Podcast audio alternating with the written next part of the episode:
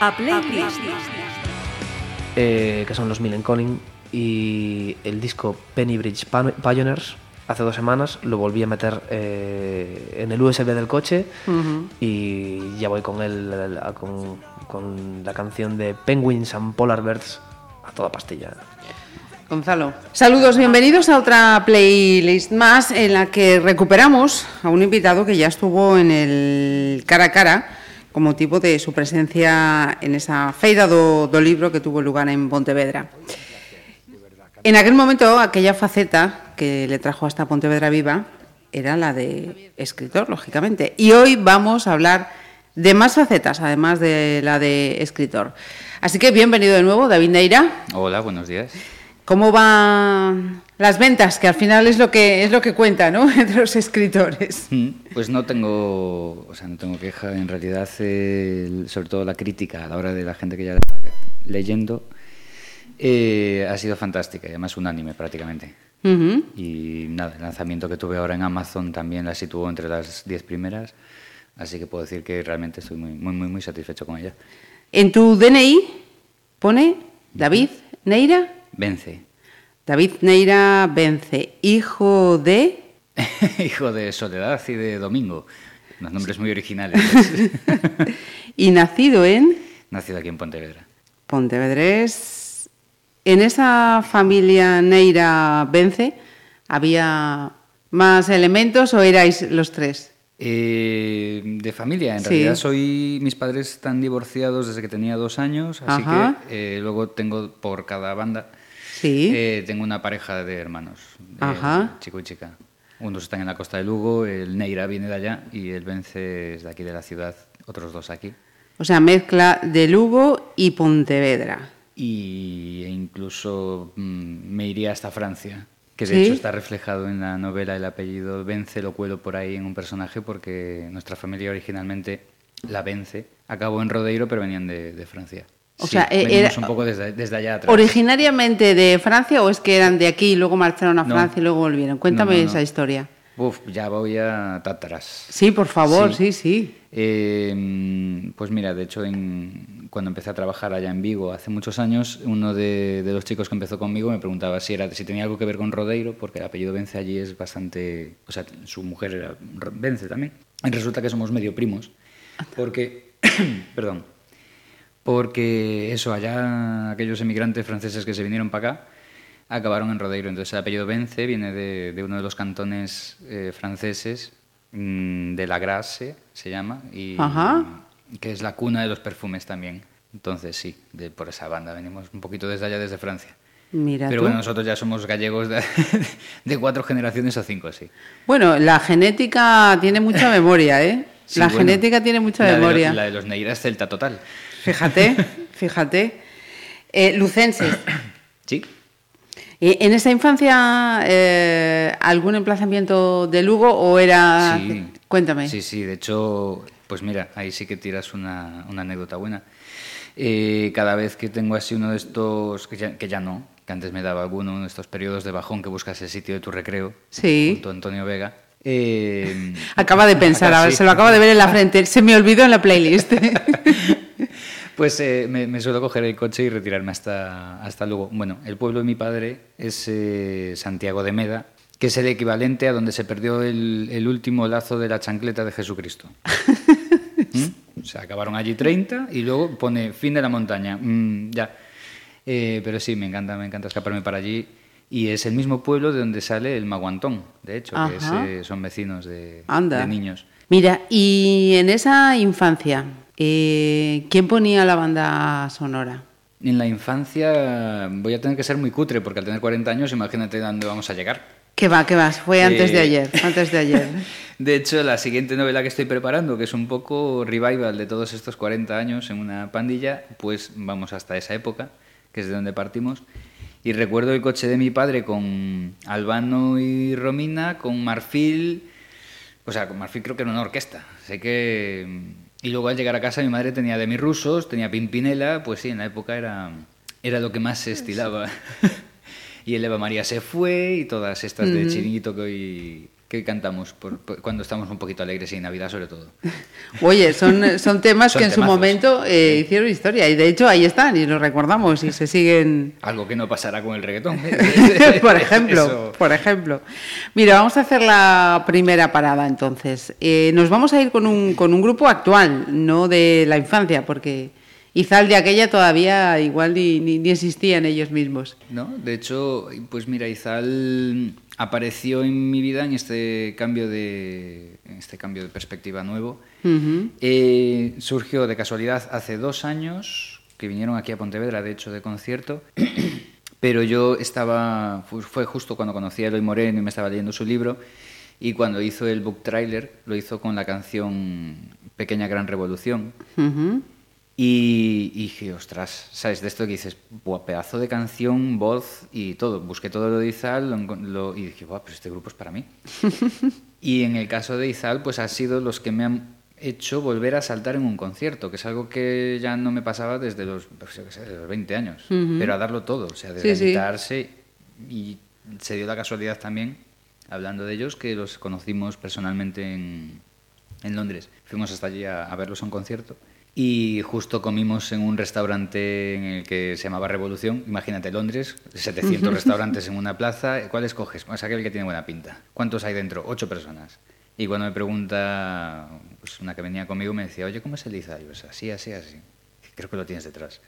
Y, oye, pero como una flecha, ¿eh? Sí, así sí. como me giré y lo reconocí, eh, dije, ostras, ya nos presentamos allí. y Ujú. tuve ese placer de, de conocerlos en directo en, en Londres. Mira tú, casualidades. ¿Y de Izal con qué tema nos vamos a quedar, David? Izal no podría quedarme con menos de 15 temas, si me descuido. Te lo voy a poner muy difícil. Sí, eh, tuve que escoger, pues mira, el primero que, que, que va en la solapa de la travesía del Fénix es la- eh, Desorden. Hay una estrofa en la que dice que y si todo te lo dieran escrito, desordénalo. Que es esa, es esa escapada, ¿no? De, de- de, pues, huye de todo lo que te viene predefinido. Eso le pregunté a él para los derechos de autor y tal, hubo problema, está ahí en la solapa. Pero no sé, que para traer aquí a la radio quizás me quede con, con dos, que son magia y efectos especiales, tiene mucho, atrapa mucho a la gente, y el baile es el que quizás me representa mucho en este momento también. Sigo oyendo hablar de magia y efectos especiales. Sigo viendo en la distancia fuegos artificiales explotando. Sigo odiando las historias de mariposas caníbales que muerden bajo la piel y llenan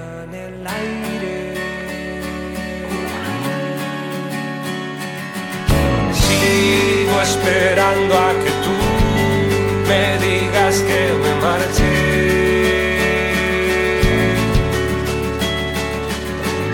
Sigo arruinando el momento, llegando siempre tarde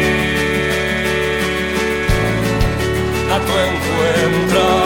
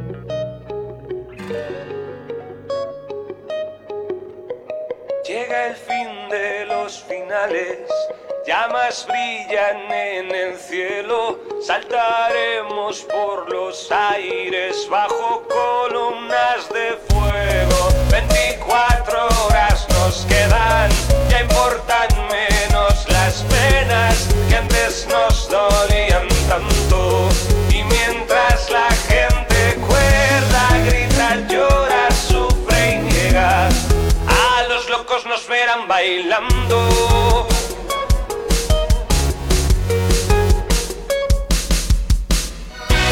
Nuestra casa se ha llenado con amigos de hace años.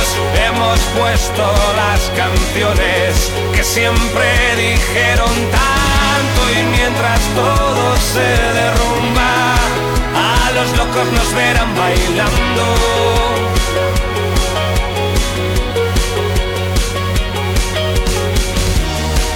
Ahora sentimos tan lejos los antiguos miedos.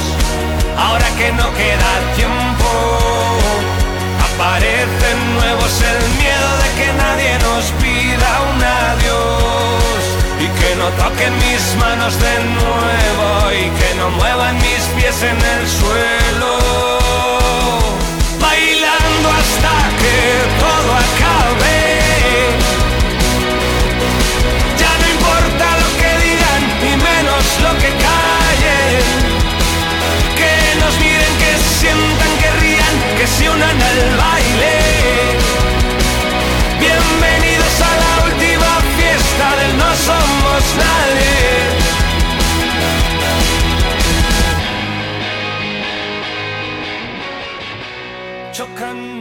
Cuando llega el momento de, de ir al cole, ¿cuál es tu primer colegio, David? Eh, yo estudié aquí en el Colegio San José, también tradición familiar. ¿Sí? sí, sí. Es el único sitio donde en mi vida he sido el Vence. Porque era mi familia Vence, eran aquí los que estudiaron en San José, aparte fueron, incluso varios profesores fueron compañeros de clase de mis padres y de mis tíos. Anda. Y pues nada, estudié aquí en el, en el San José. Y ahí sí que tengo la banda sonora que, que comienza mi vida y que esa ya son clásicos de calidad. Ahí podríamos hablar de tres, que tú te arrimas a tu grupo de amigos nuevo, ¿no? Y tal, y, y ya vas cerrando un poco. Que de aquella lo único que teníamos era jugar en la calle y la música. Y no, no- y decías, comienza la banda sonora. Sí, eh, cuando empezamos a- ya con nuestros tocadiscos, o sea, bueno, tocadiscos sé que lo tenía, y si no los casetes. Para quien no lo sepa, los casetes era una cosa que se le daba la vuelta con un boli, sigue siendo. Y, y que de aquella era, pues, uf, aquellos que era toda una, toda una ciencia. O sea, aquello rompías pestañas, le pegabas cartones, grababas de un lado o del otro. Bueno, pues en aquella época era... Empezamos escuchando a los Beatles, que me acabé memorizando todas las canciones, es el día de hoy que las canto casi en automático. Luego ya pasamos a Silvio Rodríguez, que no estuvo mal el salto. y de ahí ya fue todo en escalada, ya empezamos con... Pero estamos hablando ya de mm, los últimos años de cole. Sí, es que antes tampoco... Los chavales de aquella época yo creo que no teníamos tanto acceso a la música, más que lo que te sonaba de tu madre en casa. Claro, pero esto también, eso también marca, ¿eh? Y te da una cultura musical de unas décadas previas Sí. que con el Sí, ya te digo que el, el triqui triqui triqui este de, de Demi De Roussos, no, me la sigo sabiendo de memoria. No, y el- tenías a Mecano, tenías... Sí, es que de aquella sonaba Radio Futura. Bueno, Radio Futura no estoy muy seguro si era demasiado pronto. 80. Bueno, entonces sí. sí, sí. ¿Y, y los Beatles eh, llegaron de, de mano de algún compi de Sí. cole? De... Pues un compi que además es, es compi tuyo también de profesión tuyo, que es periodista, que se llama Germán Hermida. Ajá.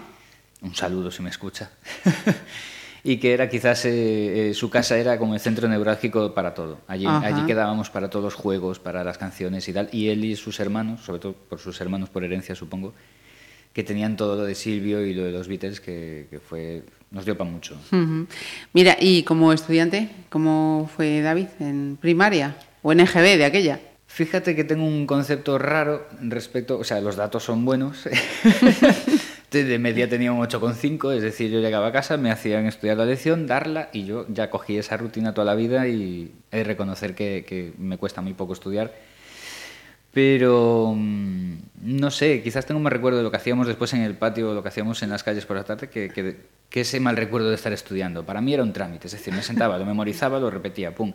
Llegaba el examen, lo daba. ¿Tu o, residencia familiar o la casa familiar dónde estaba para ubicarnos Sigue estando en el Burgo. En el Burgo? Sí. Ahí yo iba a decir, ah, ves que te iba a decir la- el prisma. eh, yo tenía uno como estudiante, en plan esto, y luego han pasado los años y resulta que me han dicho varios compañeros que, que, pues, que era bastante duro. Y oh, ¿Cómo? Que era bastante duro. Sí, sí, sí, pero San expli- José. sí, sí, era eso. como, ¿por qué llevas a tus hijos a este cole si era súper cañero? Y dije yo, Ajá. ah, pues yo es que no, no, no sé. No, Para mí no lo fue. Sí, y sí, sí. es cierto. Después lo contrasté con varios de ellos y dije yo, ah, pues mira, lo que cambia fíjate lo que cambia la perspectiva de cuando pues a ti no te cuesta hacer algo Sí, sí. y, y la realidad, porque sí, realmente era una, una educación, de allí salíamos con mucho nivel, pero era una educación bastante rígida. Ajá. Mira, y decías, el barrio del, del Burgo. Eh, ponos la- las escenas. ¿Dónde jugaba? ¿Dónde se divertía David? Bueno, yo escapé, o sea, escapé en el Burgo no había de aquella, no es como ahora que es un barrio muy, muy, muy grande, pero de aquella, aún es el día de hoy que todo el mundo te decía aquello de cruzar el río. Ujú, Esa barrera. ¿no? Sí. Y yo decía, joder, cruzar el río, que son 20 metros, o sea, ¿qué, qué pasa ahí? Es la puerta del infierno, está, está Dante, está todo el mundo aquí, los perros, lo que Cerbero. No, es el puente, joder. Pues nosotros jugábamos siempre aquí en la Plaza Méndez Núñez. Realmente, eh, Germán, precisamente, eh, Germán tenía la tienda de, de ultramarinos de sus padres ahí en Méndez Núñez, al lado de, de Cao. Y, y ahí nos sentábamos todas las tardes con la mirinda, ¿m? la mirinda. Y mm, luego ya cuando fuimos evolucionando ya pasamos por los juegos de rol, el badminton y las cartas, pues por todo. Pues ese era el, el epicentro de, de Mm, nuestra... El punto de reunión. Sí, hasta la adolescencia que ya empiezas a tantear las otras calles, ¿no? Que ya empieza... Abrir las eh, miras. sí, espera, ya empieza... iba a decir, esperas a abrir portales y a cerrar bares.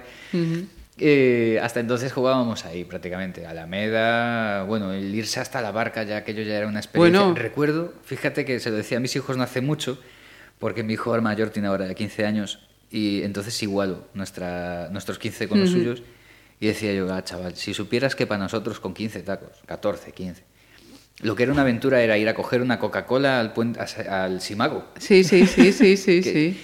Y mi hijo me miraba con cara, ¿qué me estás contando? Qué friki Yo- era mi padre. Y vamos a ver, pero no había nada más. Sí, Ah, Es que no teníamos, no, no había otra manera de comunicarse que andar por la calle. Y era la manera de ligar, la, manera de reírte, la manera de hacer el idiota, pues que ojo, que me han contado otros sectores que tenían otra manera de divertirse. ¿Yo qué quieres que te cuentes? Ese era el Era- nuestro. era el nuestro. Mira, vamos a hacer otra parada y cuéntanos eh, por qué este artista y por qué esta canción. Peter Gabriel y My Body's a Cage. Pues entre toda esta lista, eh, el momento bajonazo es esta canción de Peter Gabriel porque cuando escribí La Travesía del Fénix, bueno, cuando escribo siempre y cuando me muevo por Pontevedra o donde sea, siempre tengo música.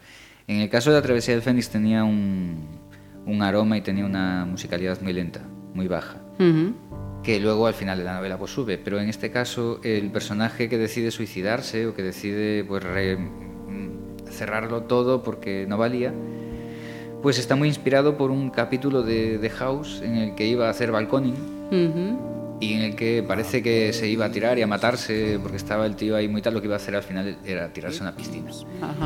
Pero suena a Peter Gabriel y tú lo ves ahí todo desesperado. Y entonces yo imaginaba a mi personaje igual con la canción esta, porque sí que es un ratito agónico.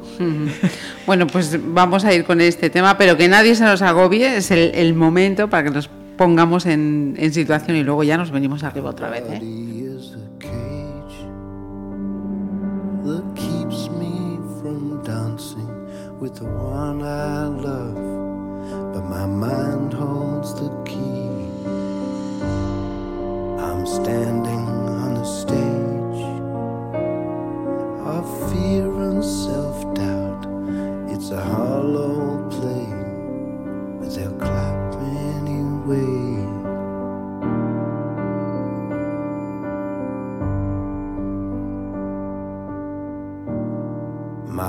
body is a cage that keeps me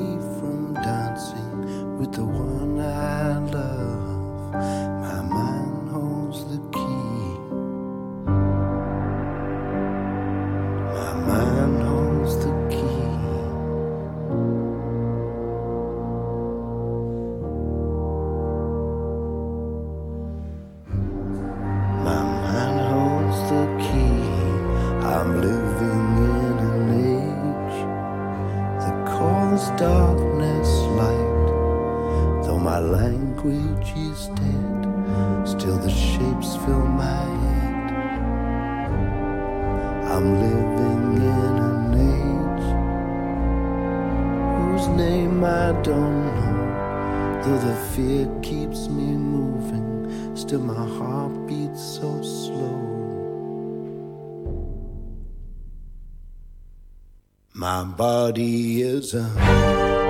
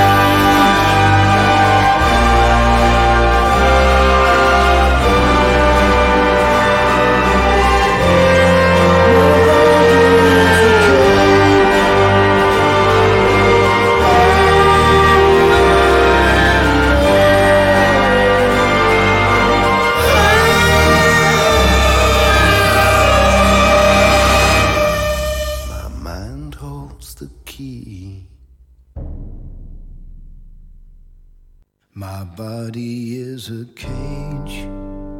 We take what we are given. Just because you've forgotten doesn't mean you're forgiven.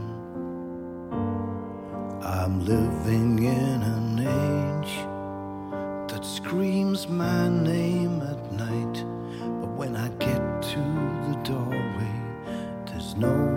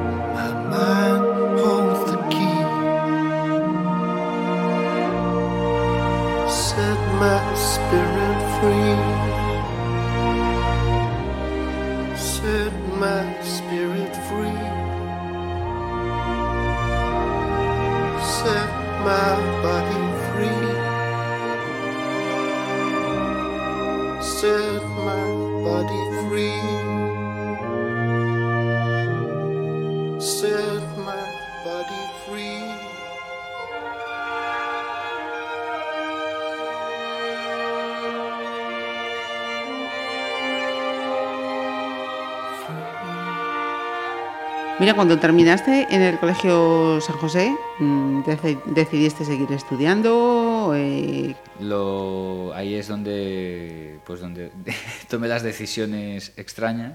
Bueno, lo que soy hoy es en base a todo. Eh, empecé en la Junquera Ajá.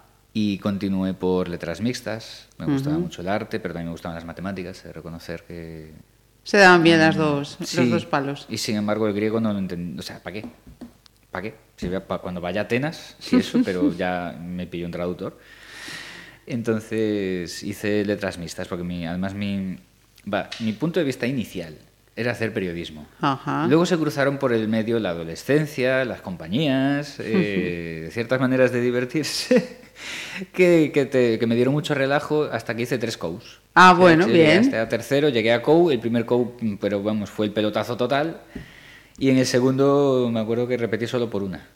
Un simpático profesor de filosofía que, que no había manera de entenderlo y que me lo explicaron al final en una cafetería y, y saqué un 6. O sea, llegué a selectivo y saqué un 6. Yo llevo tres años con filosofía y me lo han explicado en un bar. Vale.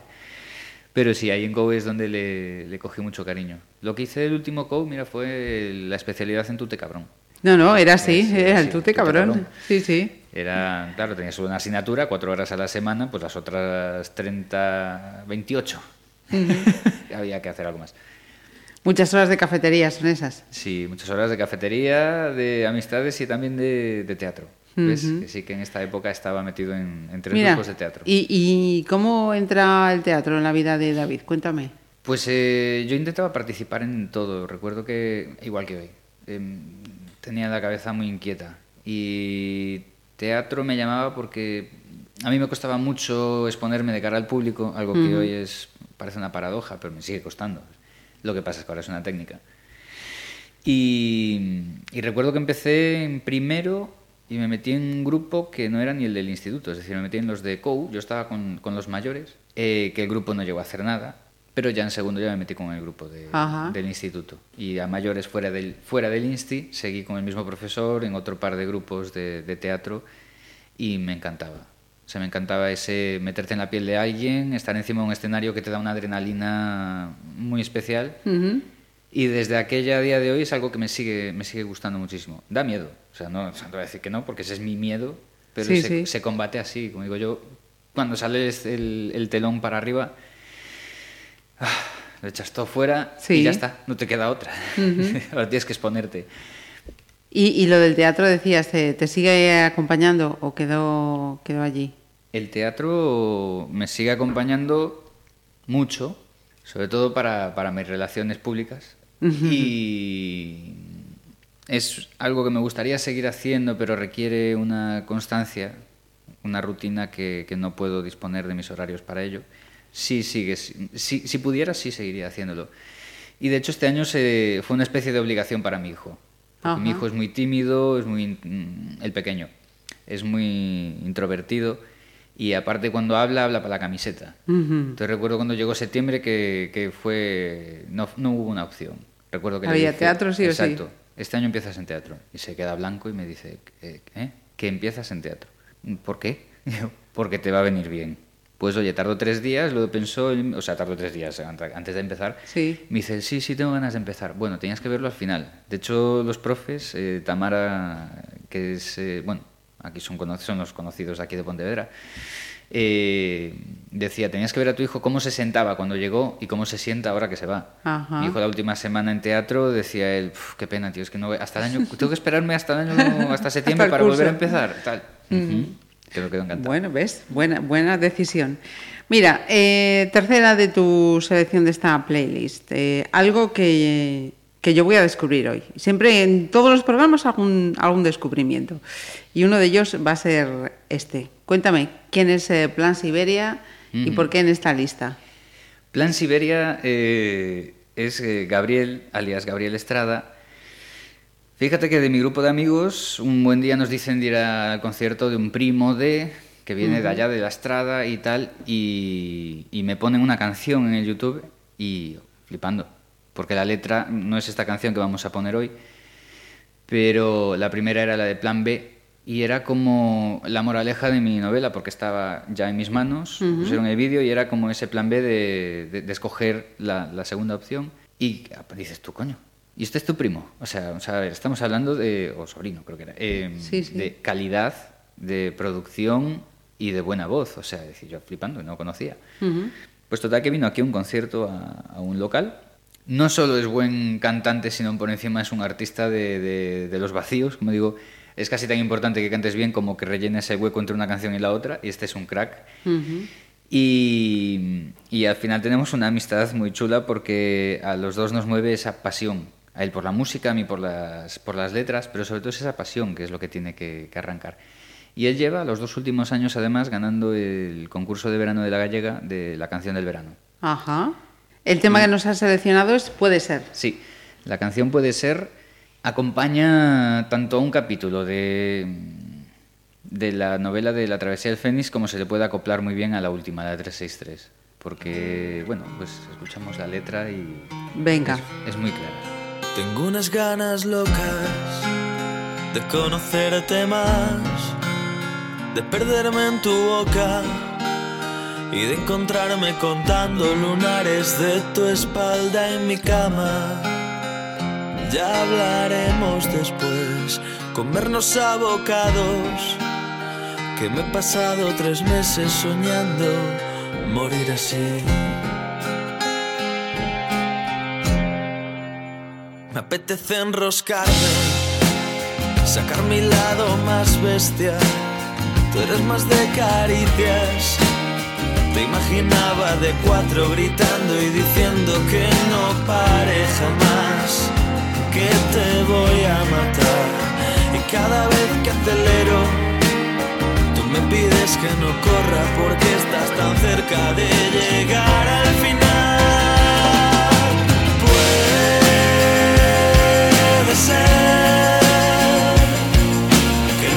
Acabe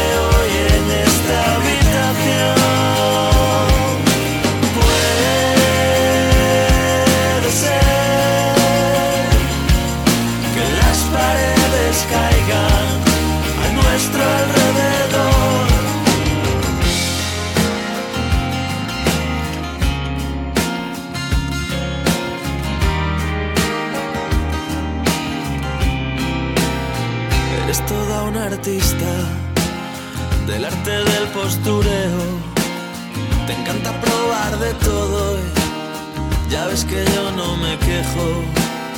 Me encanta soñar despierto y que me leas los labios para decirte de lejos.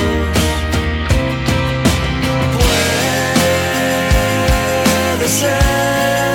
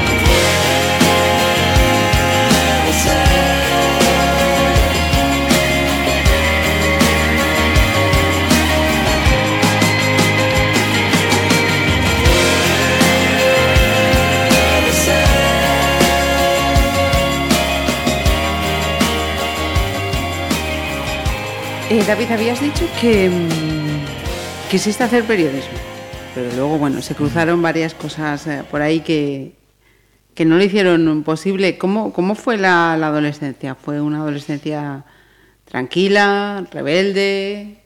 No, no, mm, rebelde no. Mm, En mi, rebel- en mi rebeldía de intelectual, vamos a llamarle, ¿no? Que, decirte que creo que fue el último año que incluso cené con Saramago, es decir, eh, participaba en tantas cosas que lo último que fui fue jurado de los premios San Clemente con, creo que eran dos compañeros más del Insti. Ujú. Eh, yo hacía la revista del instituto, o sea, es que mi revolución era más mm, creativa, más a mi rollo. No, no soy el mítico de la chaqueta de cuero y, y de estar en el porrón con, con una cerveza en la mano. Es más, la cerveza creo que me empezó a gustar ahora. Pero sí que era escuchar mucha música, escu- e ir a conciertos de Mecano. Bueno, bueno, tiene su momento, todo tiene su momento. Es que, es que reconozco que ahora ha llegado cierta música a mi vida en la que envidio no haber participado entonces, pero bueno, entonces no me gustaba. Extremoduro, por ejemplo, y me Sí, gusta sí. ahora. Eh, yo llevaba la revista del, del instituto y uf, es que el día me daba para lo que me daba. Era una- participar en todo lo que podía. Si bien el participar y el divertirse tanto hizo que las notas fueran en capa, o sea, fueron para abajo. En dirección Claro. contraria. Cuando llegas a periodismo te decía un 8,5, yo un 8,5. Y ¿cómo era? Esto, publicidad, creo recordar que pedían un 6,5, un 6,7, también era altísima. Con lo cual también me quedo descartada por unas décimas. Así que allí entonces ya decidí seguir por, por psicología y como no tenía la opción de irme a Santiago a vivir la vida maravillosa de estudiante universitario, que, que viendo ciertas vidas mm, universitarias casi que mejor que me hubiera quedado aquí. Bueno, Ya, fui por Santiago alguna vez, pero me quedé aquí en la UNED a, a hacer psicología. ajá. Sí, es cierto que es ese momento en el que, bueno, pues ya tienes unas inquietudes diferentes, unos contrastes en tu casa y al final decidí salir de mi casa y tener un trabajo, llevarla y estudiar, pues era, me fue inviable. O sea, que es el momento de la independencia. Estamos hablando exactamente con 18, 19. Con 19, si no me equivoco. 19 años, es una edad muy temprana, yo creo que para estas generaciones de ahora envidiablemente imposible. Mm, no es imposible, o sea, yo casi diría que es emocionalmente imposible, pero no, se puede, claro que se puede.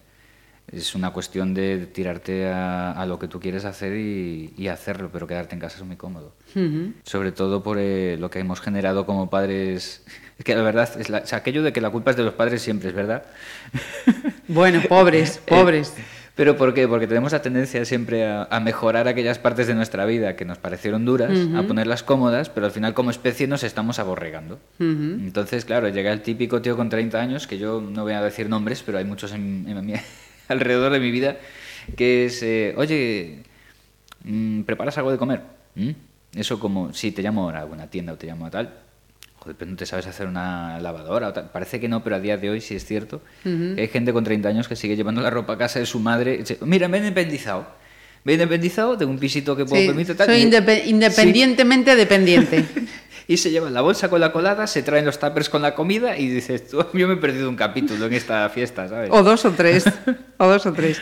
Vamos con otra, con otra de tus eh, selecciones. Eh, llegó ahora, en esta última ¿Sí? etapa. Eh, mientras escribía esta novela, eh, conoció, Philip conoció a Veronique, que fue una, es, es una camarera, que le ha dado un, un contrapunto a, vamos a ver, primera persona, eh, me ha dado un contrapunto de, de gente diferente. De aquí Ajá. lo de que envidie cierta gente que le gustaba cierta música y participó de todo esto desde, desde otra perspectiva. Eh, Muse la conocía, pero porque sabía de gente a quien le gustaba. Pero dije, "Va, voy a empezar a escucharlo ahora que pues ya está saturado de todo lo tuyo. Y me empezó a encantar. O sea, reconocer que yo creo que más de la mitad de las canciones me encantan. Y además tienen este rollo guitarra eléctrica mm, increscendo.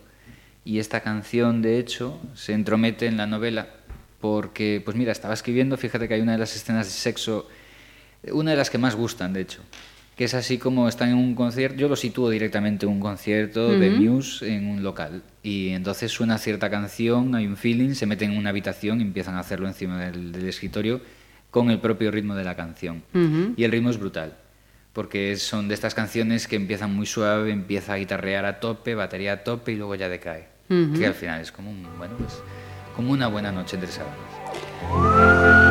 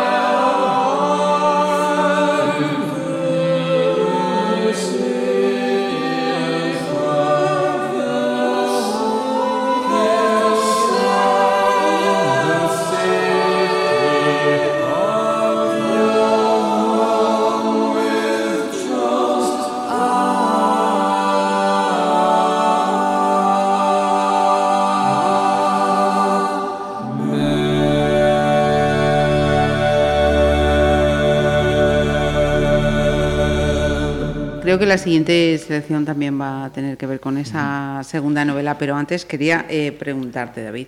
Hablabas de esa, ese momento de independencia con 19 años y yo recuerdo, eh, cuando habíamos charlado en el cara a cara, que si hacemos un currículum eh, profesional, la, la lista de trabajos que, que señalabas es, es muy amplia. Eso significa que mm, comenzaste eso, a buscarte la vida desde el segundo cero. Cuéntanos por dónde fuiste pasando, porque además marchaste a Vigo, recuerdo, luego... Uf, sí, no, de hecho empieza incluso en la época de teatro, en los 15, 16, creo recordar, que yo ya tenía ganas de, de trabajar en algo. Eh, un día de casualidad mi tía en Lugo, mi tía ya gestionaba la cafetería de- del hospital de Lugo, y un día me dejó la tontería esta de meterme detrás de la barra y hacer cuatro cosas y, oye, estaba bien, me gustaba. Y reconocer que en la hostelería, si bien eh, quema mucho, porque es, es lo que es, y quema, eh, como trabajo en sí a mí me parece muy divertido, porque contacto con la gente hace todo. Ujú. Pero bueno, yo empecé con eso, con 16 me dieron la oportunidad, recuerdo que iba hasta el chinguito de la Pamán a, a ganarme 200 pesetas. Y valía el autobús 130, una cosa así.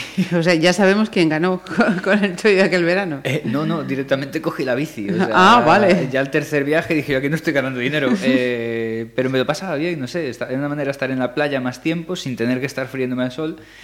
y, y en este rollo chiringuito que es súper animado.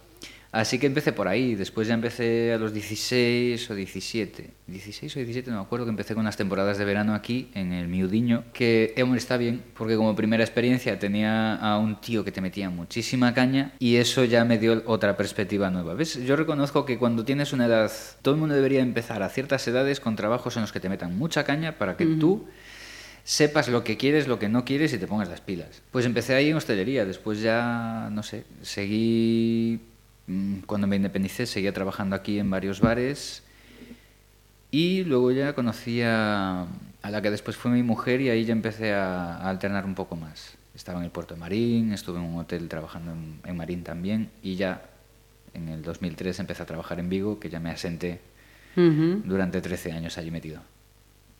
Pues antes de marcharnos a, a Vigo, eh, decía yo, la siguiente selección también tiene que ver con su segundo libro. Eh, Descúbrenos, Sas.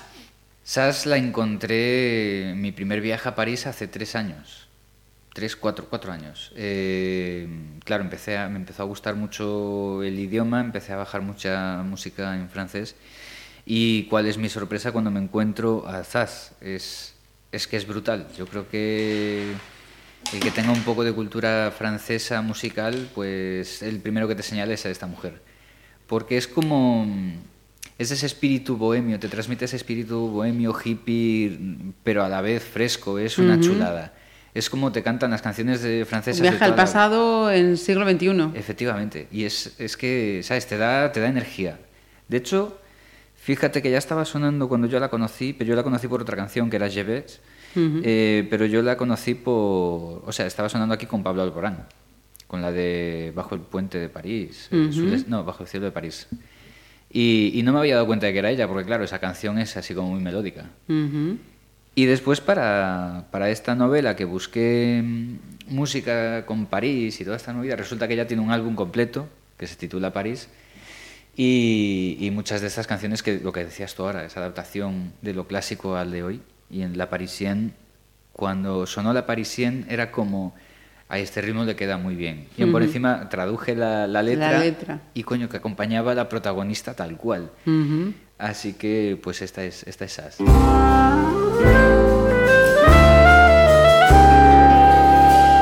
Lorsque je suis arrivée dans la capitale, j'aurais voulu devenir une femme fatale.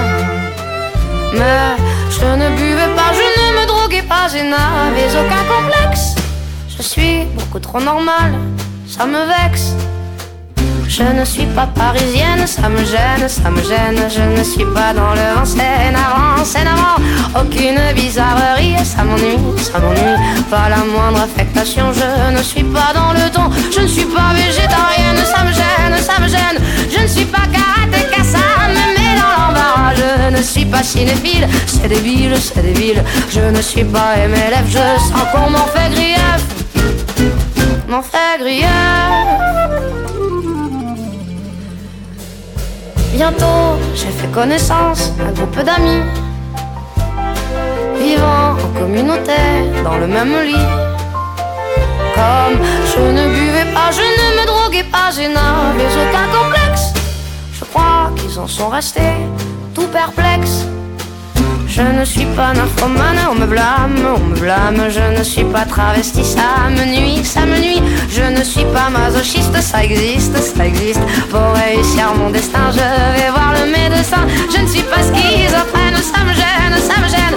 Je ne suis pas hystérique, ça se complique, ça se complique. Oh, dit le psychanalyste que c'est triste, que c'est triste. Je lui dis, je désespère, je n'ai pas de goût pervers. De goût pervers.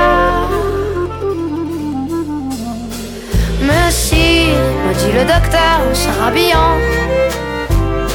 Après ce premier essai, c'est encourageant.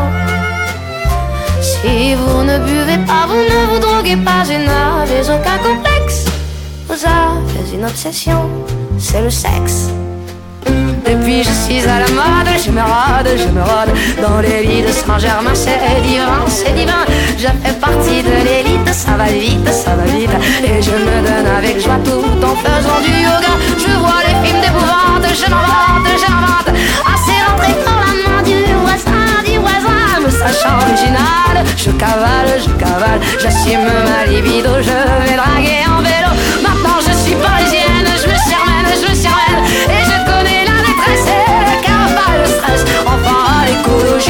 m'initie, je m'initie Et loin de la pollution, je vais tondre mes moutons. Et loin de la pollution, je vais tondre mes moutons. Et loin de la pollution, je vais tondre mes moutons. Mes moutons, mes moutons, mes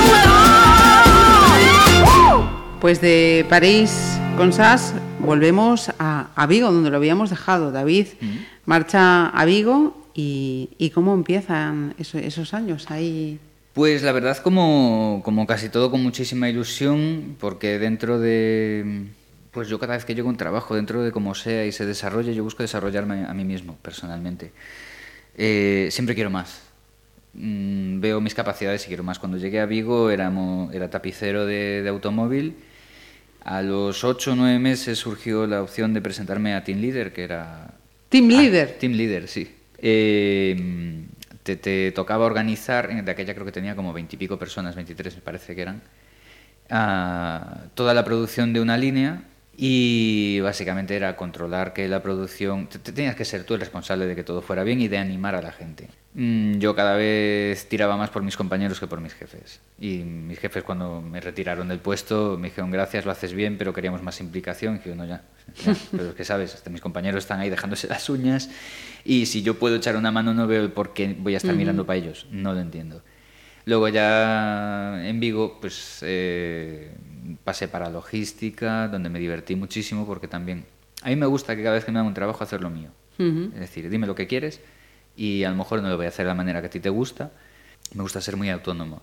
Y bien, solo que de aquella, aunque me he saltado, bueno, lo que me he saltado viene ahora a continuación y es que de aquella empiezo con una lesión que acabaron descubriendo que era a razón de un accidente que había tenido hacía unos años y es donde acabo teniendo una minusvalía. Entonces la empresa empieza cada vez a gestionarme puestos más sencillos, más sen- tanto que hasta el final estaba sin hacer nada. Llegué a estar dos meses sentado en una silla evitando quedarme dormido. Así que, pues cuando llegó allí un momento que, que chocamos ya rotundamente, eh, eché yo el pulso y lo gané y me fui muy dignamente. Porque a veces es mejor arriesgarse a- al que vendrá que saber que vas a estar fundiéndote neuronas sentado en una silla mirando por una pared. Y esa andadura nueva mira hacia. Mira hacia las letras directamente. Ahí es donde decides, y por lo que recuerdo de aquella anterior Ah. eh, conversación, de decir, bueno, aquello que yo quería de siempre es momento de, Sí, de hecho, de plasmarlo. dos años antes de acabar en la empresa yo ya me había sentado a escribir. Estaba con una novela negra, que sí creo que lo habíamos mencionado. Sí, imagino que también en, en ese momento eh, llega tu primer hijo, ¿no? Eh, sí, en la fábrica llegaron mis dos hijos. Yo en el 2003, así como empecé a trabajar, ya estaba en puertas, nació en junio. Y tres años después eh, nació el pequeño. ¿Y cómo se llaman estas criaturas? Gabriel y Marcos. Gabriel y Marcos. Supongo entonces eh, el mayor es Gabriel. Sí. Eh, ¿Cómo cambia, Gabriel, la vida de David? Mm, Si es que la cambia. Eh, Claro, es que tengo que, quizás tenga que valorarlo respecto a otra gente para quien tener un hijo es un cambio terrible. Para mí era un deseo terrible. Ujú. Entonces yo lo veo ahora con otros padres, que es un poco, Dios, me viene un bebé, Dios, ¿cómo, es, ¿cómo funciona esto? No sé, a mí cuando me llegó ya sabía cómo funcionaba mm, prácticamente todo. Además recuerdo cuando cambié los primeros pañales, como era tapicero de coche, te, vas- te pondrás una imagen mental de lo que le hacía al niño, ¿no? O sea, Pobre. como una, no, no, que ni se enteraba. Sí, sí. Ya recuerdo a mi exmujer que miraba cambiar los pañales y me decía, joder, qué técnica. Ajá. Es que esto ya, ¿sabes? Con Ya una va mano rodado. levantaba al niño y con la otra, ya está hecho. Entonces, para mí, cambió, cambió que dejas de salir. Dejas de quedar con los amigos porque yo, yo personalmente, al menos, yo me lo tomé muy en serio. Fueron muchos años cerrado en casa con criando unos hijos. eh, estoy, bueno, iba a decir, aunque sean a veces un poco cabroncetes, de reconocer que estoy muy satisfecho de la educación que les hemos dado porque pues la tienen, o sea, tienen respeto. Y, y son libres, más una cosa que tenía mucho interés, que sean libres de pensar, de creer y de opinar. acción. Efectivamente.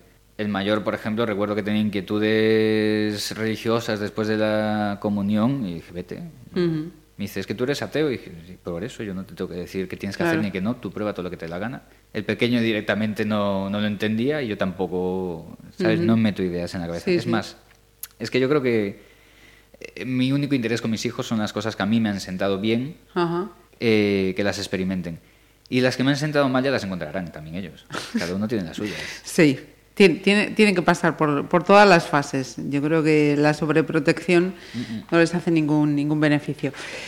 Vamos eh, con la sexta selección que nos trae a, a un cantautor español. Cuéntame.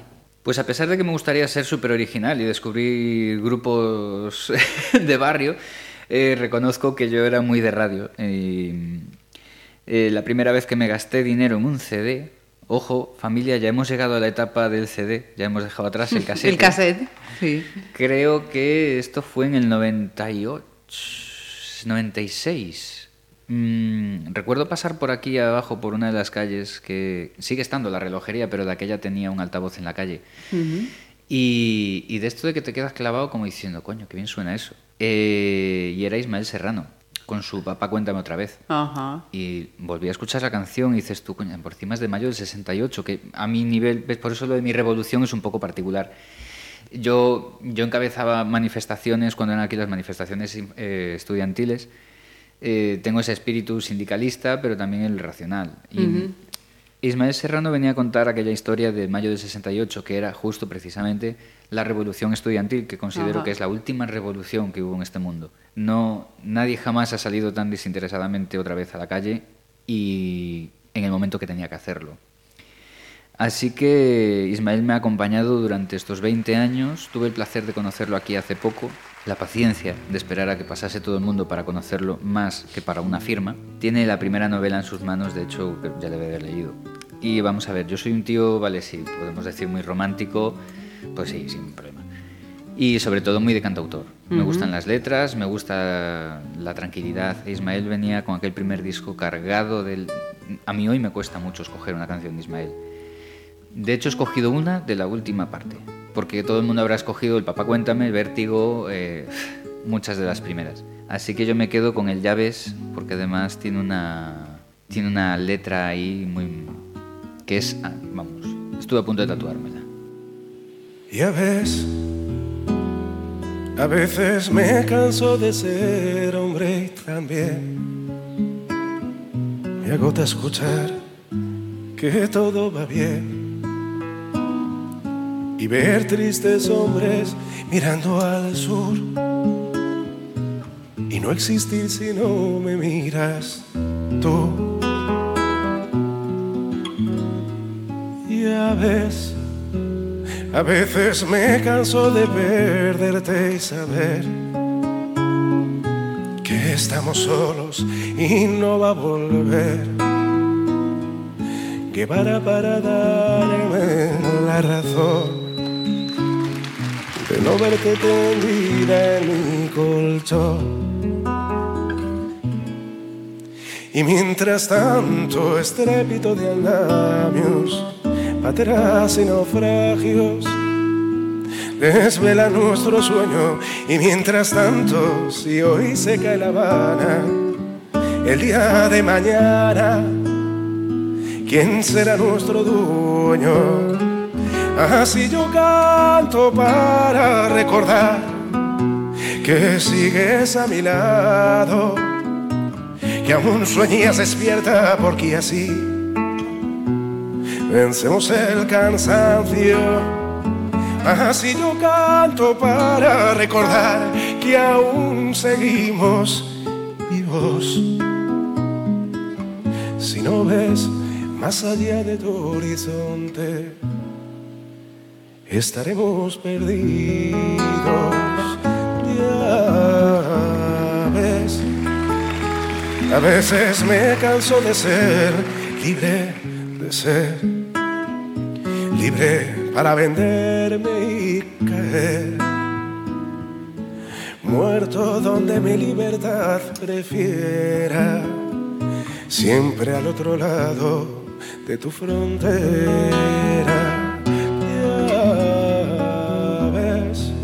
A veces me canso de mí, de no tener valor para buscarte y cometer todo delito que este amor exija. Quieta ahí tus labios o la vida. Y mientras tanto, estrépito de andamios, pateras y naufragios desvela nuestro sueño. Y mientras tanto, se arde la candona, si Marcos abandona. ¿Quién será nuestro dueño? Así yo canto para recordar que sigues a mi lado, que aún sueñas despierta porque así vencemos el cansancio.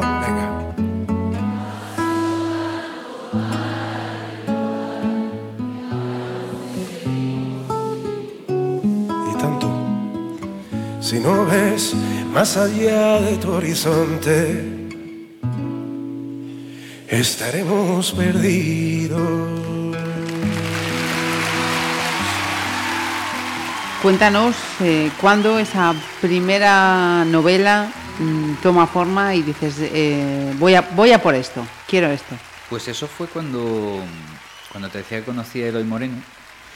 Se da esa casualidad de que mi trabajo se produce la liquidación y te ves en este momento de, vale, ahora vamos a tomarnos las cosas en serio, pero en serio de sentarte con tu equipo, comprarte un ordenador, una grabadora, papel y boli. Y en esos días justo el Eloy Moreno hacía una ruta por, por Alarcón en base a aquella novela del regalo. Y mi pareja entonces me dijo, pero vete. Y decía, ¿cómo ir hasta allá? Y dice, ¿pero tienes algo que hacer?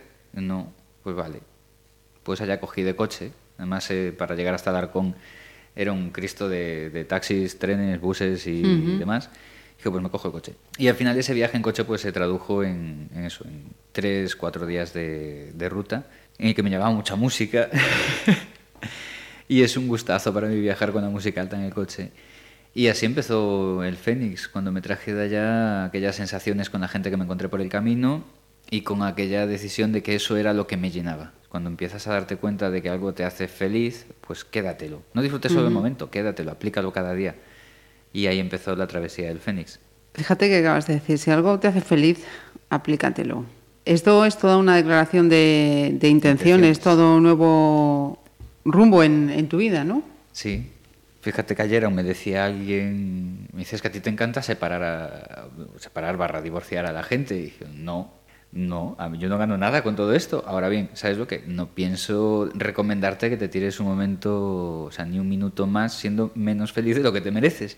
Así que si a ti no te dan las cuentas, a mí sí. A veces una relación de pareja se estira demasiado, pero demasiado. Entonces, no, pues oye, ¿para qué? Si uno solo también está mucho más feliz y de aquí todo el mundo avanza. Y que En- quien aplica esa máxima en todos los sentidos de la vida. En, En todos. en todo. En Fíjate que trabajo, ahora en- me he ido a trabajar a, a San Sensio de Camarero esta temporada, sí, coincidió.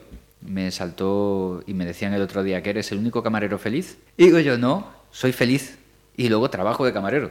Es decir, yo creo que es un enfoque que, que vamos, que si pasado mañana lo estoy pasando mal en el trabajo, ya te digo yo que lo dejo. Así de claro. Porque primero está mi salud mental y sin mi salud mental no puedo controlar el resto de, de lo que vaya a hacer a continuación. Me decías, eh, de cuando comienzas, cuando ya te pones a, a escribir la primera eh, novela, a- al momento de, de tenerla materialmente ya editada, en papel, ¿cuánto tiempo pasa y cómo es ese momento de, de tener tu primera novela en la mano y decir, bueno, ¿y ahora qué? Pues em, tardé en escribirla yo creo que unos cuatro meses reales. Entre bueno, primero vas juntando textos durante cierto tiempo en el que no tienes una rutina de trabajo. Luego cuando la cojo son cuatro meses, pero a destajo, trabajando desde las nueve hasta las siete de la tarde algún día. Pero porque tenías muchas ganas de vaciar muchas cosas. Luego lo pules, lo llevas, pules otra vez, porque en mi caso trabajas la portada, trabajas el diseño interior, todo. Y, y hay un momento de vacío que experimentas por primera vez, que es este ¿y ahora qué? Si tengo que esperar a que me llegue. ¿Y qué haces? No lo sé. la volví a leer, ya estaba aburrido de leerla. Y recuerdo la tarde que me llegó. Cuando me llegó, bueno, me llegó no, cuando me dijeron que mañana me la entregaban, o sea, al día siguiente me la entregaban, recuerdo que acababa de, de sentarme con mis colegas, me llaman por teléfono y me levanto y me voy. Y me gritaban, ¿dónde vas? Y yo, voy a quemar un poquito esta energía que me acaban de dar, que mañana me entregan la novela. Pues hasta en la Plaza de Galicia acabé reventándole la rueda de atrás a la bici, porque fui envenenado, pero envenenado a quemar adrenalina, y recuerdo que giré la rueda y reventó, y dije, "Buah, vale, ahora andando para casa. y al día siguiente, cuando llega, eso, eso hay que vivirlo. Pues mira, es la misma sensación, no la misma, porque son cosas diferentes. Pero como cuando, cuando vi a mi hijo nacer, que tuve, pues sí, la misma sensación. Cuando mi hijo nació lloraba como un becerro como todos los niños. Yo tuve que estar fuera. Cuando entré seguía llorando, llorando. Lo tenían debajo de la lámpara, lloraba. Y de repente le hablé y hasta las tres enfermeras que estaban allí miraban para mí y decían, coño, se quedó callado. No volví a llorar en días. Esa sensación de saber que has conectado, de que eso es, de que es tuyo, es parte, es responsabilidad tuya, ojo, que no es que te pertenezca, es una Sí. responsabilidad tuya lo que pase con él. Pues con la novela me pasó lo mismo, porque era como el primer producto acabado de todo lo que había empezado en estos proyectos de mi vida. Sí, tener un hijo, cuidado, que tener un hijo al final es fácil. Todo el mundo sabe el método y, Sí. y van para afuera. Sí, y sí, hasta luego. A partir de ahí es cuando Ah, llega lo difícil. Exacto. Y con el libro pues me pasaba un poco este rollo, que llevaba ya promocionándolo bastante tiempo, con lo cual estaba más activo que esperando a empezar aquel día. Pero claro, ah, fueron, no sé, tres semanas a tope, casi no comía, casi no dormía, estaba súper excitado de, de emoción. Y, y quién me iba a decir a mí que aquello no acabaría allí?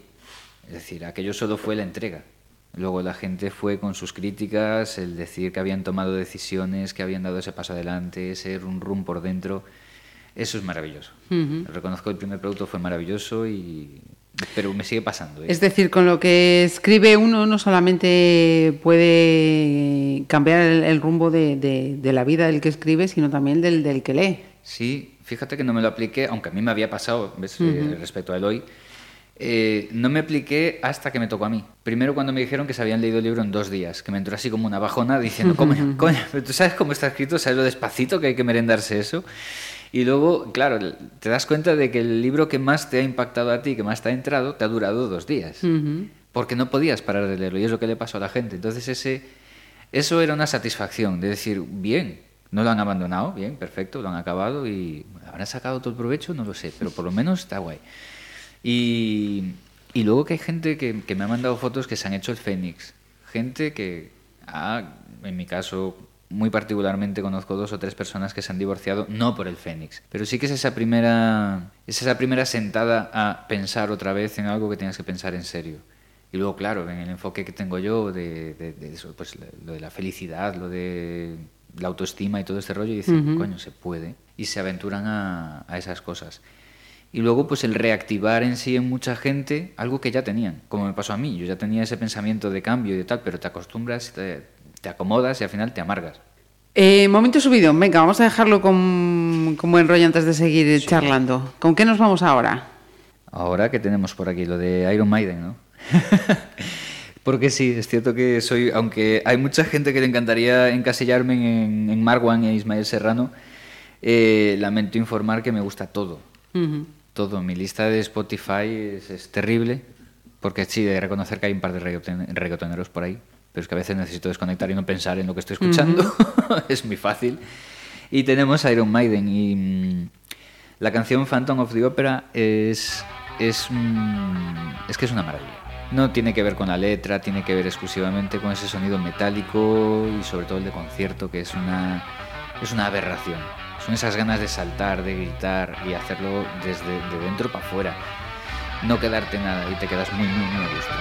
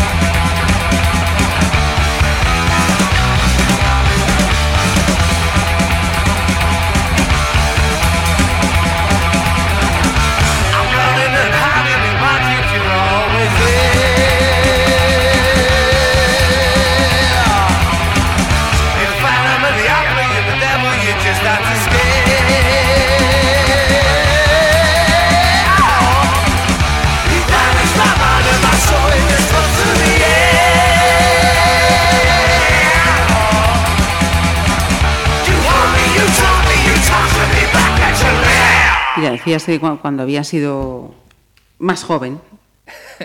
Sigue, como decía aquel, la juventud es, es un estado mental. Efectivamente. Eh, ¿Sigues eh, tirando de conciertos o las obligaciones diarias todavía? El año, o sea, el año de Izal recuperé todo lo que pude, pero es cierto que bueno, pues ya no hay tantos conciertos como me gustaría ni todos los horarios del mundo disponibles, eso es cierto. Si bien te puedo asegurar que Izal los vimos tres veces aquel año y este porque no han hecho ningún concierto en solitario, si no estaría allí. O sea, hasta ahora han ido a festivales, con lo cual ha sido imposible. O sea, yo no pago por estar todo un día en un festival eh, con una aglomeración brutal de gente y para escuchar los 20 minutos. Pero en aquel, hace dos años, pues llegamos a ir al de Londres, al de Coruña, al que dieron aquí y ya, creo. Sí. Cambio de tercio. Eh, decías antes, estuve a punto de tatuarme una letra mm, de una de las canciones de Ismael Serrano. Lo de los eh, tatuajes eh, ha llegado o llegó a tu vida y vamos, mm, cada vez eh, con menos espacio, vamos Sí. a decirlo, limpio. Sí, sí, sí, cada vez me queda menos lienzo. Lo de los tatus, fíjate que ayer, eh, de una manera casual, ayer con la cocinera habla- bromeábamos porque delante me iba un tío tatuado y siempre digo lo mismo, ¿no? Es- digo, qué asco me dan los tatuados.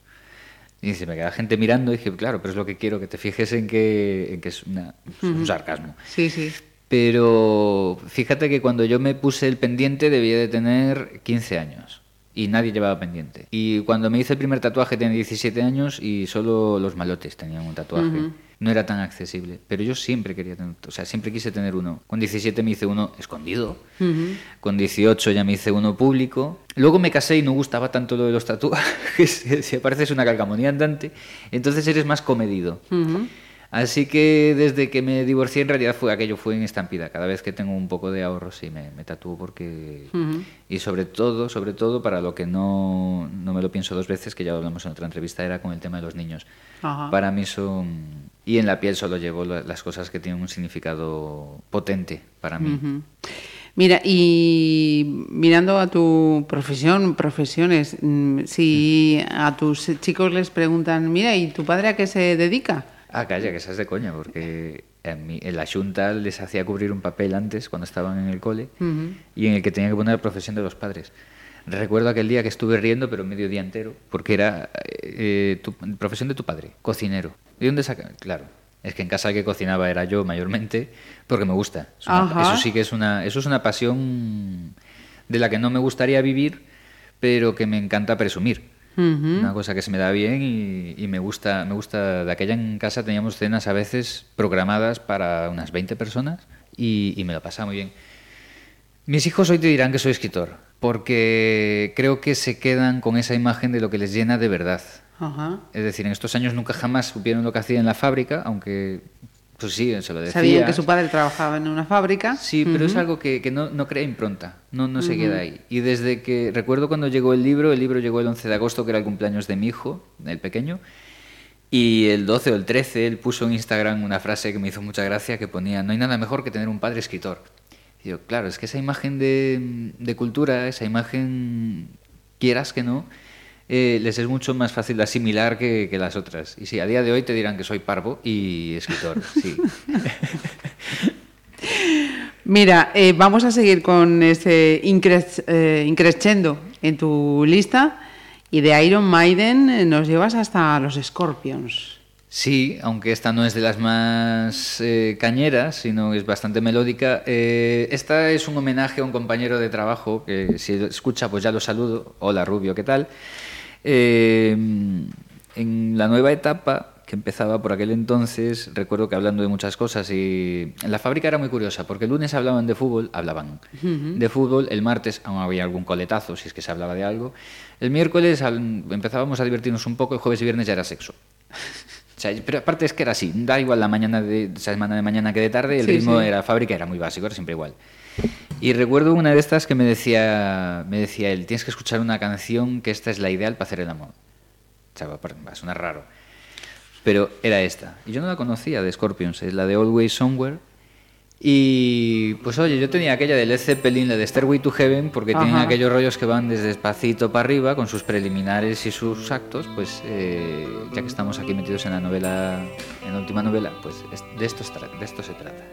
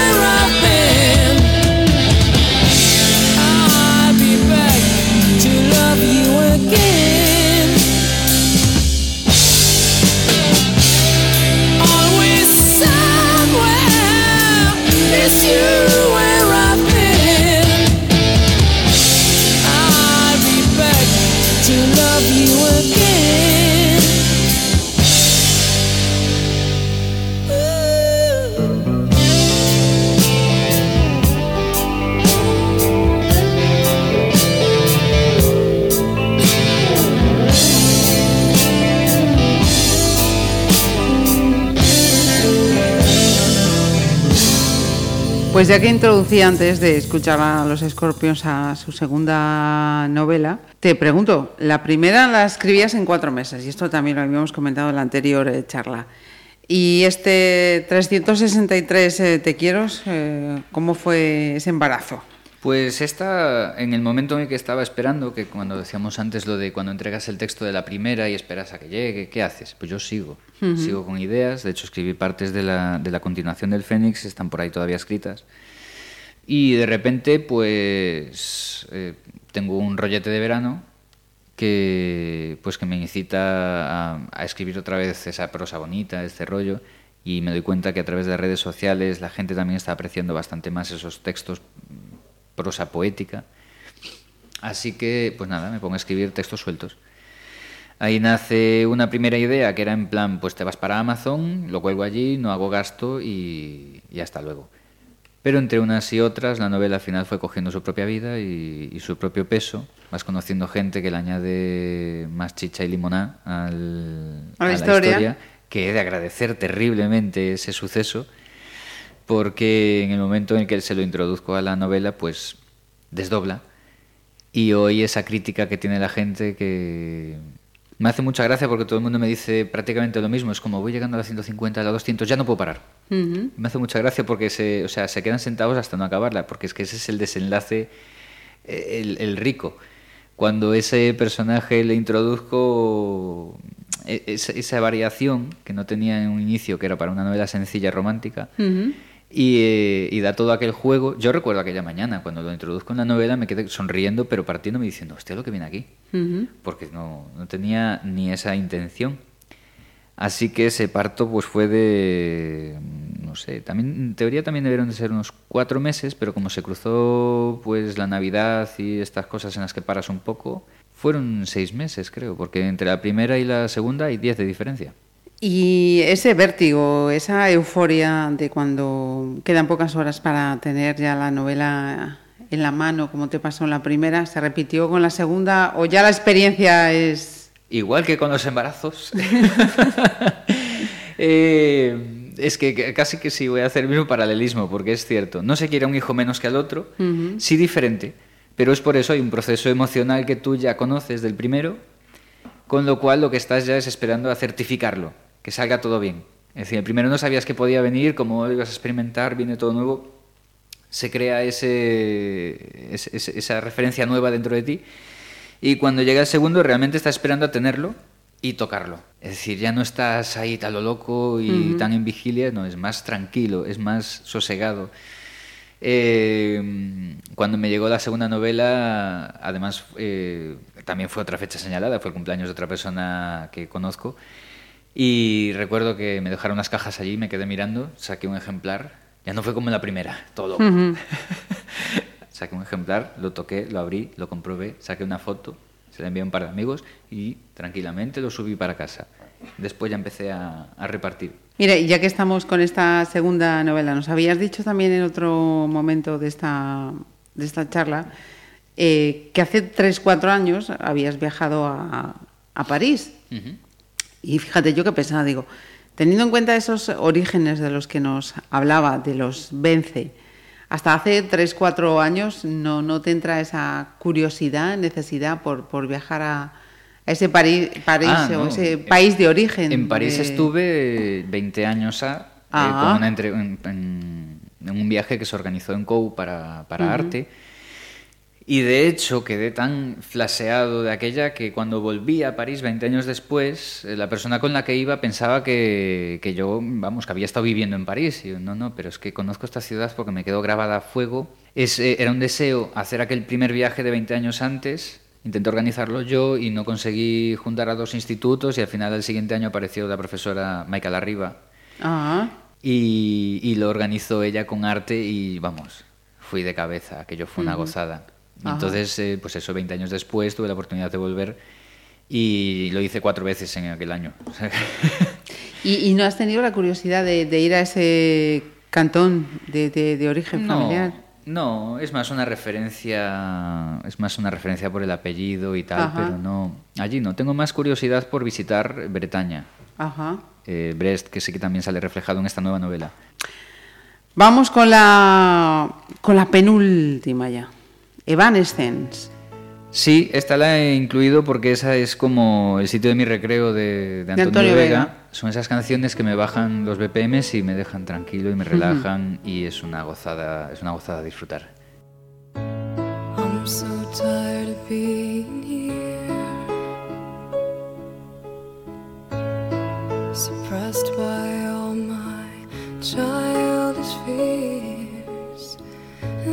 Have to leave, I wish that you would just leave, cause your presence still lingers here, and it won't leave me alone. These wounds won't seem to heal. This pain is just too real. There's just too much that time cannot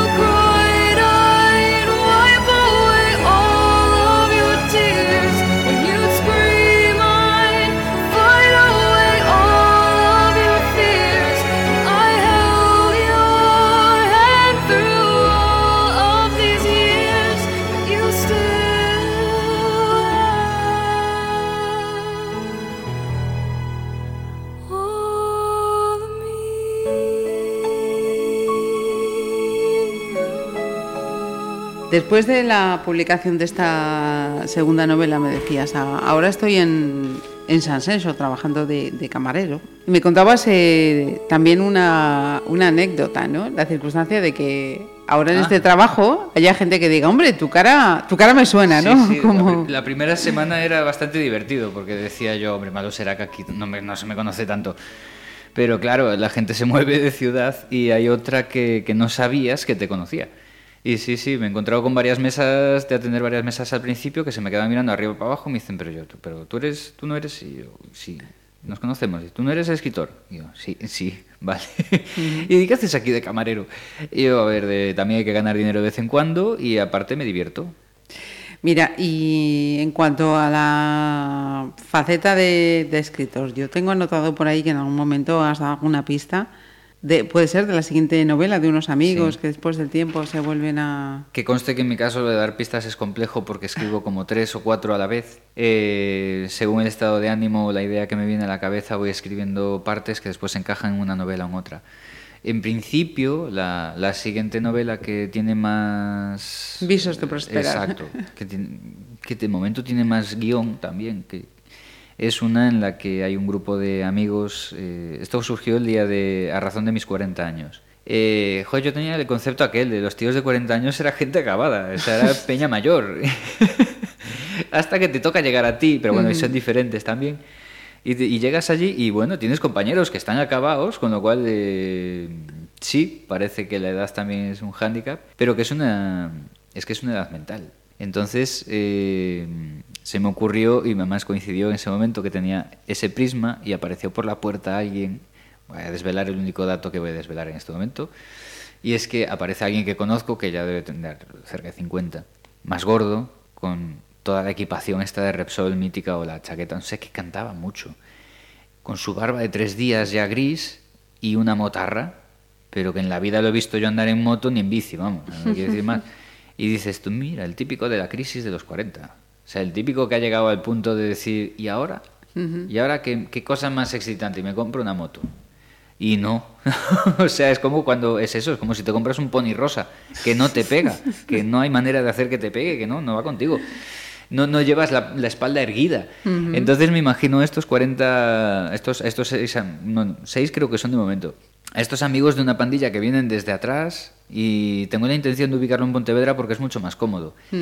Eh, cómodo y porque también, ¿sabes? No, me gusta presumir de, de esta ciudad que en literatura casi siempre acabas en las grandes. París era una tarea pendiente mía, pero en realidad acabas en Madrid, acabas en Barcelona. La gente parece que le es más cómodo imaginarse Vigo que, que Pontevedra. Pues, ¿Por qué no? Espero tener una novela de calidad entre las manos y publicitar bastante esta ciudad, porque aparte es que tiene mucho de donde sacar. Entonces, voy a retrotraer eh, a esos personajes para decir por qué se ha comprado hoy una moto, porque tiene problemas con la mujer y, y de dónde vienen. O sea, vas tanto hasta atrás que llegas al punto del self, del, del uno mismo. Sí, sí. Es decir, de ese niño y por qué, criado así en esa casa, acabó hoy teniendo problemas con su mujer. Que ojo, que no es una novela eh, en este aspecto, sino que en realidad es una especie de revival de música, de cine, de marcas. Es decir, todas estas conversaciones que tenemos de cena de empresa los de 40, ojo, los de 30, no las vais a tener. Vais a hablar de nosotros, vais a hablar de los 80. Mi hijo, cuando va a ver una película y suena música de los 80, dice que es una buena película. Sí, señor. Entonces va a ser una especie de, de- de amalgamar eh, todas nuestras conversaciones sobre el libro gordo de Petete, La Pantera Rosa, Inspector Gadget, la música, los teleñecos, todas estas historias mezcladas con Una una, vida generación re- Exacto, completa. Exacto, una generación. De hecho, el título provisional es ese, 40, la última generación, pero bueno, le- tendremos que dar, la última revolución, perdón. Eh, eso se pule de aquí al final, que a lo mejor hasta al final se llama Carrie o Cujo y ya ves como al final muere todo el mundo. O los chicos Espera. del maíz. Esa- esa- ¿eh? Ah, atención que acabamos de sembrar aquí una semilla. Espera, los chicos del maíz. Tomo nota. Vamos a, a poner el punto final a esta, a esta playlist, que imagino tendrá una segunda parte ya en un cara a cara con una tercera novela. Eh, Mago de Oz, que también tiene una historia importante en la vida de David. Sí, Mago de Oz tiene. Bueno, vamos a ver, aquí voy a tener que dar dos. Una es eh, la que tiene que ver con la novela. Eh, Mago de tiene mucho peso en mi vida por, por esos ritmos entre celtas, entre mucho violín, mucho rock. Pero además tiene una balada que es, bueno, tiene un par de ellas, pero en esta que vamos a poner hoy es, eh, vamos a dedicarle un momento a, pues a Marta, a Blas, a su familia, que cayeron en, en medio de la travesía del Fénix. Fíjate que la travesía del Fénix es del año 2017. Este capítulo estaba escrito desde junio del 2016, cuando murió Blas. Que Blas, eh, en realidad, no es que fuéramos amigos, amigos. eh, Formamos parte de unos meses de, de verano de cada año en el que coincidíamos y nos conocíamos. Eh, pero la muerte de Blas significaba esta vista atrás de, tengo 39 años, Blas tenía, creo que tenía 39 o 40, y pues es ese, joder, es que hace media hora estabas aquí. Sí. Entonces, mm, a mí en aquel momento era, era esta vista atrás de todos, de que tú, yo, él ya no está. Y en el, él murió en junio y a finales de junio recuerdo, lo recuerdo porque el año siguiente me encontré otra vez esta libreta dentro de la bolsa de la playa. Y era pues ese homenaje, ese homenaje al espíritu que tenía, porque dentro de lo que cabe, sí, fue una muerte, pero dentro de lo que cabe era el espíritu que dejó. Eh, para algunos que tomamos ese ejemplo de aprovechar cada minuto sabiendo que la carretera se acaba en cualquier momento y, ese homenaje al motorista con alas que, era además era muy buen tío. Entonces, Mago de Oz tiene una, una balada que pega mucho con Marta que se quedó aquí y, y con todos los que dejó acá. A la par, a razón de que esta canción y toda esta influencia de Mago de Oz está en la obra, cuando Mago de Oz vino el año pasado a Pontevedra, hice cola hasta las 5 de la mañana, que de esto de que dices, tienes una edad, tío. A ver, vamos a ver, los 20 chavales que están ahí sentados tienen 20 años y tú pareces su padre. O sea, realmente parece que estás esperando para llevar alguno a casa. Y yo tenía mi novela en la mano. Y Mago de Oz resulta que había metido el autobús dentro del escenario, prácticamente, con lo cual yo estaba desde lejos diciendo, bueno, por encima no van a salir. Pues sí, salió, salió el autobús por la parte que yo sospechaba, unos 20 chavales estaban con la cara plátano diciendo aquí no sale ni Dios, y yo dije, aunque sea, le tiro la, la bici delante del autobús, total, solo es decirle que meta el libro para adentro y si lo leen bien y si hay suerte. Joder, si hubo suerte. Tuve la santa suerte de que bajó el autobusero, le pedí permiso y me dijo, ¿quieres entrar? dije, ¿eh? ¿Perdona? Que si quieres entrar a dárselo y tal. Y efectivamente, entré un ratito, estuve con ellos allí. Pues eh, desde mi cielo pone el punto final a esta playlist. Eh, David, eh, que ojalá veas pronto esa tercera novela en las la manos, que tengamos ocasión de, de seguir leyéndote y, y buen verano. Igualmente, igualmente a todos y que disfrutéis mucho. Ahora que está todo en silencio y que calma me besa el corazón, os quiero decir adiós. Porque ha llegado la hora de que andéis el camino ya sin mí. Hay tanto por lo que vivir. Llores cielo y vuélvete a enamorar. Me gustaría volver a verte sonreír. Pero mi vida, yo nunca podré olvidarte y solo el viento sabe lo que has sufrido por amarme. Hay tantas cosas que nunca te dije en vida, que eres todo cuanto amo. Y ahora que ya no estoy junto a ti, te cuidaré desde aquí.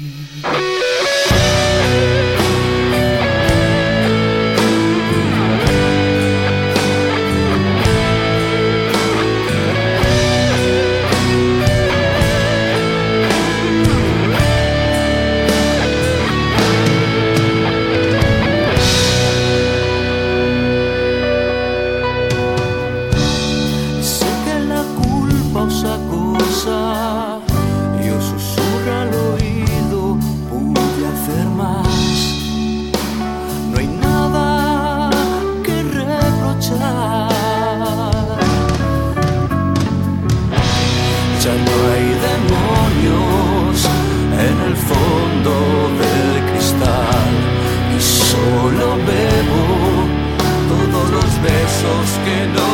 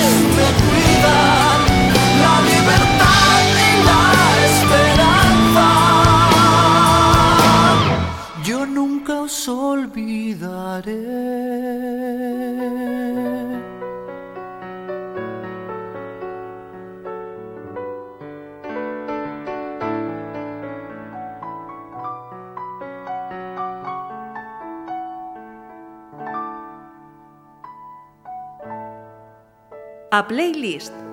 Pontevedra Viva Radio.